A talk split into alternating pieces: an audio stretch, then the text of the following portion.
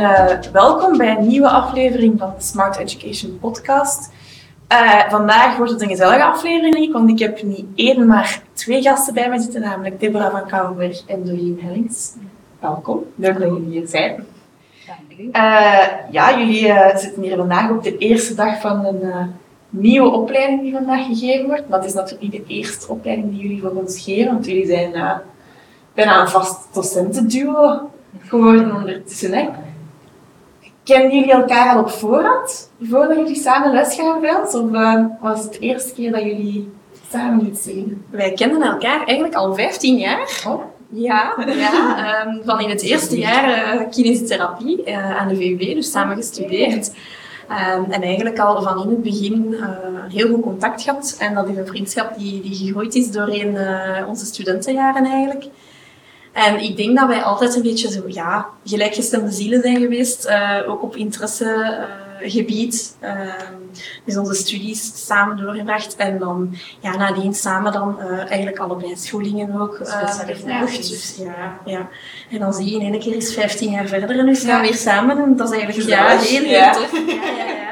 Maar het is okay. uh, super fijn om, om zo samen te werken. Ja. Oké, okay, ja, de andere opleiding die jullie, dus vandaag zijn we op de dag 1 van Pelvic uh, Rehab for Women. De andere opleiding die jullie al gegeven hebben is uh, respiratoire kinesiotherapie. Omdat jullie zijn naast dat jullie pelvisch kinesitherapeut zijn, jullie ook bijzonder bekwaamheid in uh, respiratoire kinesiotherapie. Is er een link tussen de twee? Ja, Kun je twee elkaar linken op een bepaalde manier? Ja, zeker en vast. Zoals bijvoorbeeld onze mucoviscidose patiënten of onze COPD-patiënten of patiënten met bronchiectasie, waarbij veelvuldig moet gehoest worden, waarbij er grote abdominale drukken zijn op die blaas. Die hebben wel sneller en ook vaak, zeker wel op oudere leeftijd, klachten van urineverlies. Mm -hmm. Daarbij zien we ook al in de praktijk, zoals bijvoorbeeld onze mucopatiënten, als die rond die 16 jaar geven we zelfs ook al adviezen naar die bekkenbodemtherapie om te leren die bekkenbodemspieren aan te spannen tijdens hun hoesten om te voorkomen dat ze die klachten gaan later. Enerzijds naar urineverlies, maar ook naar verzakkingen toe. -hmm. Oké. Nu, um, vandaag gaat het uiteraard over uh, pelvic rehab for women. Met dag 1 gehad. Um, misschien heel kort, misschien al ten eerste, hoe heb je het beleefd? Was het, was het een leuke dag? Was het spannend? Het was echt een ja. superleuke ja. dag. Ja. We waren wel nerveus van, maar Ja, ja. Omdat het de eerste keer is, mm -hmm. maar het is echt super ja. meegevallen. Hè. Ook een heel fijne Heel toffe groep. Ja. ja. En was het dan minder omdat jullie al een opleiding hadden gegeven, of was het nog altijd... Uh... Toch nog, misschien zelfs nog wat meer, omdat het een driedaagse opleiding is zelfs. Ja. ja dat je toch wel, allee, ook qua timing, qua gaan, over wat gaan ze vragen stellen, um, hoe gaat het lopen, maar het was echt uh, ja, een hele leuke dag. Ja. Okay. ja. Dus jullie zijn allebei ook pelvisch kindstherapeut. Is er zoiets dat jullie aan alle vrouwen zouden kunnen meegeven? Een soort van key message van, als ze iets over hun bekkenbodem zouden moeten weten, dan is het dat wel. Er is ongelooflijk veel dat ze moeten weten. ja, denk ik vandaag. Um, ja, zeker en vast. Hè. Ik denk um, dat we moeten streven allemaal naar een gezonde bekkenbodem. Een gezonde ja. bekkenbodem die goed werkt wanneer die moet werken. Die we goed kunnen aanspannen wanneer dat nodig is. Een bekkenbodem die goed kan ontspannen wanneer dat nodig is.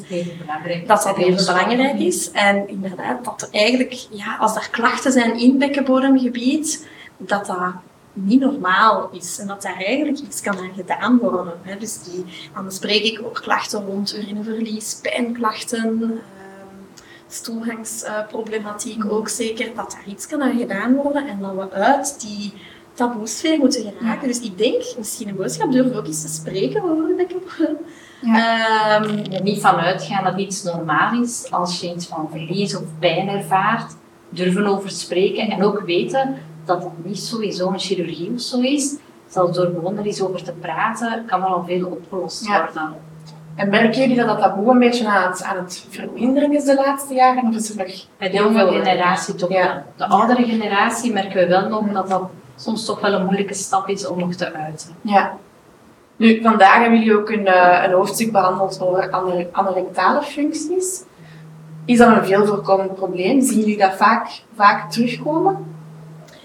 Ja, ehm, ik denk als we kijken naar problematiek, dat we daar het meeste zien dat dat constipatieproblemen zijn, omdat dat eigenlijk voorkomt zowel bij jonge vrouwen als bij eh, vrouwen wat meer op leeftijd. Ook postnataal is dan een klacht die vaak voorkomt. We vragen daar ook wel actief naar natuurlijk. Ehm, en dat is iets ja, dat zo frequent voorkomt en waar we ook al met heel wat advies voeding kunnen helpen. Ja. ja. ja. De ja, lifestyle changes eigenlijk, gezond eten, Je kan Voldoende staan je daar eh, gouden tips dat je Ja. kan meegeven. voldoende eten, eh, voldoende drinken, vooral vezels eten en bewegen. Dat is ook echt Ja. wel de gouden standaard. En luisteren naar je darmen als je voelt dat je moet gaan.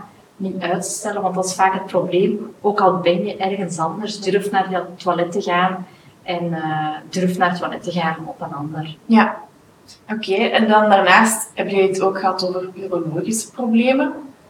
Waarom is dat zo belangrijk dat dat vandaag bijvoorbeeld in de opleiding aan bod komt? Ja, omdat dat iets is dat eigenlijk ongelooflijk veel voorkomt. Ik denk absoluut een beetje een onderkend probleem soms, omdat mensen daar nu niet echt over gaan, gaan spreken of niet gemakkelijk over praten, maar dat dat toch wel heel frequent voorkomt. Ehm, klachten van urineverlies of bijvoorbeeld ehm, pijn bij seksueel contact ehm, zijn dingen die zo vaak voorkomen. En we moeten daarover praten, omdat we daar eigenlijk echt wel een, een behandeling voor kunnen geven. Die, Ja. ja, ja. Het is zo belangrijk dat mensen erover praten. Hè? Ja. Oké, super. Nu, even iets helemaal anders. Ehm Deborah, jij bent een aantal jaren actief geweest als praktijkassistent aan de universiteit. Hoe is het om eh, terug een beetje in het onderwijs te staan? Heel fijn, want ik heb dat altijd heel graag gedaan. Ik ben daar ook mee moeten stoppen een beetje naar gezien en de Mhm. afstand dat te groot was en in combinatie met praktijk. Dus het is wel heel fijn dat je dat gevoel nog altijd kan Ja. hebben, anderen iets bij te leren en ook vooral jezelf, ja, door een cursus te maken moet je up-to-date blijven en ja, ik vind dat gewoon fantastisch. Oké. Doreen, voor jou is het ook een beetje speciaal vandaag, want ik heb het daarnet aan Karen opgevraagd natuurlijk. Jullie zijn collega's, jij en Karen. Ja. Hoe was dat om, eh, om samen een opleiding te mogen maken? En, eh, Ja, eerst Heel heel goed. leuk. Nu, wij komen ook heel goed overeen en wij zijn ook eh, heel gelijkgestemd qua, qua therapie en qua eh, ideeën. Ehm, dus ja, dat is natuurlijk ook heel plezant om hier, om hier samen te kunnen staan. Ja, ja, het is Ja. leuk, want jullie zeggen allebei ongeveer hetzelfde. Ja, dat is tof. Dat is tof. ja. Eh, ja, je hebt nu ook de smaak van het lesgeven te pakken. Hè? Klopt. Ehm, je geeft nu twee opleidingen hier bij Smart Education. Je gaat ook nog een educatieve master volgen. Ja. Hoe, eh, hoe ben je op dat idee gekomen? nog? Ik heb altijd wel een, eh, een lesgeefkriebel in mij gehad. En ik denk dat dat ook de reden is dat ik dan eigenlijk nu ja, in dat docentschap, hoe dat ik het ook mag noemen, ben gestapt. En ja, ik heb echt wel... Ja, ik vind het zo fijn om te doen, dat ik eigenlijk gewoon heb beslist, ik ga, ik ga dat ook eigenlijk eh bijdoen. Ja, ja. Ja. Dus eh, een beetje dankzij jullie. Ja. Oké. En een fijne ervaring, hè, absoluut. Oef, oké, Ja. leuk. en eh, zouden jullie zelf nog ook verder willen bijscholen? Want je zegt wel net van met die opleiding te maken, worden we zelf ook een betere therapeut. Maar zijn er nog domeinen waar jullie zelf ook nog in zouden willen bijscholen? Ja, zeker en vast. Echografie bijvoorbeeld is wel zoiets hè, waar we bij eh, graag ons nog wel willen in verdiepen en bijscholen. darmfuncties, Mhm. eh, zeker en vast ook. Eh, maar er is zo ongelooflijk veel, denk ik, dat we ook nog niet weten. En Ja. wat, er gebeurt dan onderzoek in en dat is zo tof om, om daar dan verder te gaan en nieuwe dingen eh, te gaan ontdekken. Ja. Bij je melden. Ja. ja. Oké. Dan misschien nog een laatste vraagje. Los van het eh, werken als fysiotherapeut en het werken als docent, waarin kunnen jullie je hoofd, allee, waarmee kunnen jullie je hoofd even helemaal leegmaken? Waar kunnen jullie helemaal mee uitleven? Bij mij is dat sporten en eh, tijd met mijn gezin, met mijn Ja. zoontje en met mijn man. Maar zeker ook een keer eens eh, goed gaan eten of een glaasje wijn met vrienden en familie. Ja, zeker mijn hoofd een keer goed Ja, dat klinkt inderdaad Ja. slecht. Zie je ook daarin zijn wij gelijkgestemd. Dus Ah, hier, voilà. ja, voilà. Dus bij mij is dat eigenlijk niet anders. Hè. Een goede dosis sport, eh, veel Ja, ik heb gehoord dat jij regelmatig in de crossfitter bent. Ja, het is iets, Dat gelijk, zelfs, eh, eh, iets gelijkaardig. Ja, ja, serieus sporten? Eh, ja, ja, elk op zijn eigen niveau Ja. natuurlijk. Hè? Maar eh, ja, superleuk. Ja, heel leuk om te doen. En dan ook, ja, ik heb ook een, een zoontje. Graag veel tijd met gezin. Ja. Eh, ja, zeker en vast dat de, de gouden momenten daar ook mee pikken. Hè? Ja. Voilà. dat gezegd zijn, dan ga ik jullie uh, allebei naar huis laten gaan, naar jullie familie. Heel goed. Heel goed. En die gouden momenten meepikken. Dikke merci om, uh, om nog even tijd voor ons vrij te maken. Met plezier, met plezier. Heel graag Ja. Heel veel succes morgen en overmorgen, de komende twee dagen. Dankjewel. En dan uh, mag iedereen bedanken die meegeluisterd en gekeken heeft. En dan uh, ja, zie ik jullie graag allemaal terug een volgende keer. In orde. Dankjewel. Dankjewel. Bye.